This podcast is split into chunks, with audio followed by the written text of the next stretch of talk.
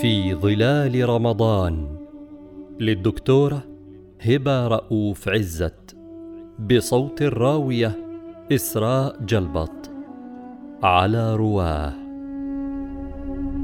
ما بعد رمضان بناء الجماعة المؤمنة.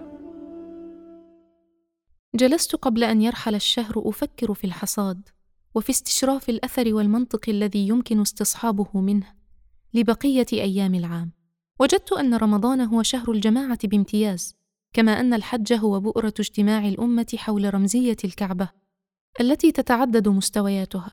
وعلى الرغم من أن المرء في رمضان يكثر من الطاعات الفردية بدءا من الصوم الذي وصفه الله بأنه له وحده وهو الذي يجزي به مرورا بالصدقات وفعل الخيرات وإيتاء الزكاة في هذا الشهر الفضيل الذي يجزي الله به عن النافلة كالفريضة. ويضاعف ثواب الفريضة كما يشاء وصولا إلى صلاة القيام التراويح وقراءة القرآن الذي يحرص المسلم على أن ينهي بها ختم الكتاب في هذا الشهر وختاما بإخراج زكاة الفطر وصلاة العيد.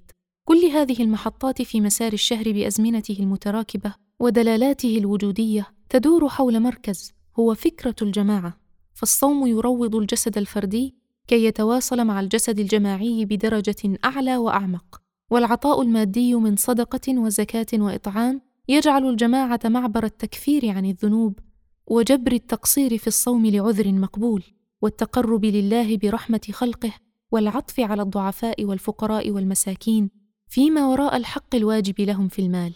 وصلاة القيام هي تواص بالحق والصبر وتحلق حول مأدبة القرآن واصطفاف لتلاوته وحرص على ارتياد المساجد كي يتعلق قلب المؤمن بمساحات العبادة بعيدا عن مساحات اللهو والدنيا كي يتعلم كيف يستثمر الوقت في التطلع إلى الغيب.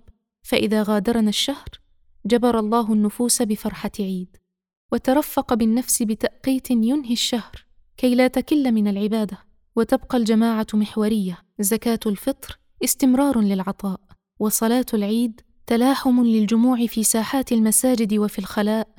تحت سماء تظل الجميع في مساواة أمام الله كأسنان المشط. يبقى الدرس هو ما نصطحبه معنا لبقية العام وما نتعلمه من رمضان لإثراء المجتمع ومساحات المجال العام. والدرس هو الجماعة. كيف نبنيها على رابطة إيمانية تحقق الأخوة بين أفرادها؟ على ميثاق العبدية والتعبدية لله. وكيف يكون هذا الميثاق منصة لإكرام الخلق على قاعدة البشرية؟ مسلمين وغير مسلمين بعد أن أدبنا رمضان وعلمنا التواضع لله ركوعا وسجودا ورحمة بالناس عطاء وتوددا ورفقا وتجردا. فالأخلاق التي يبثها رمضان في المجال العام لا يمكن ولا يستقيم ولا ينبغي أن تكون حكرا على جماعة من دون أخرى. وفضاءات الأخلاق الدينية هي دعائم وأسس الفضائل الاجتماعية والثقافة السياسية. ويكون من أعظم دروس رمضان أن نعيد البعد الإنساني إلى الفضاء العام وإلا نكون قد أهدرنا رمضان في خيانة بغيضة لقيمه ودروسه. لذا فإنه من لم يدع قول الزور والعمل به فليس لله حاجة في أن يدع طعامه وشرابه. الناس بعد رمضان صنفان.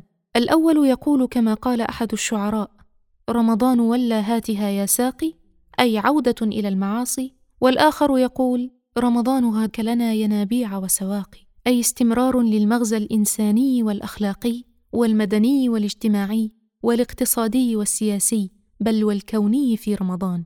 فنحن في رمضان نستعيد موضعنا على خريطة الكون وعوالمه الإنسانية والطبيعية بل أزمنته الدنيوية في تقاطعها مع الأبعاد الغيبية والأخروية. ويحدث للمرء في الغالب ارتباك عاطفي وفكري في عيد الفطر. ففي رمضان تسود حالة من انتعاش الروح بالعبادة وتواصل الأرحام والأواصر بالتلاقي في دعوات الإفطار وترويض الجسد بالصوم والنفس بالتقوى والمراقبة والمحاسبة.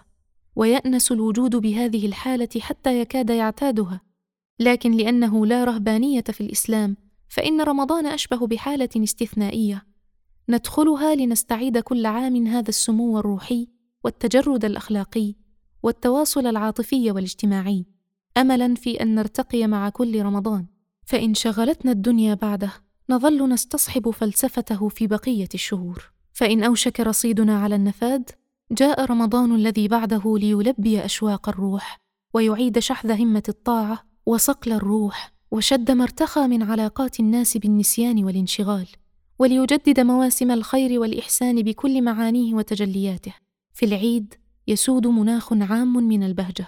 وهذا رائع فهذا مقصد العيد أن يخفف الله به عنا وأن يفرح الناس ويستعيد الجسد طاقته لخدمة حركة الحياة بعد دروس رمضان ويتم الترويح عن النفس. لكن الناس عادة يحتفلون بالعيد بقوة ويخرجون من رمضان باندفاع. يندفعون إلى الشوارع والأماكن العامة ويندفعون إلى تعويض الجسد عن الصوم بكعك العيد ويندفعون في الترويح والسهر.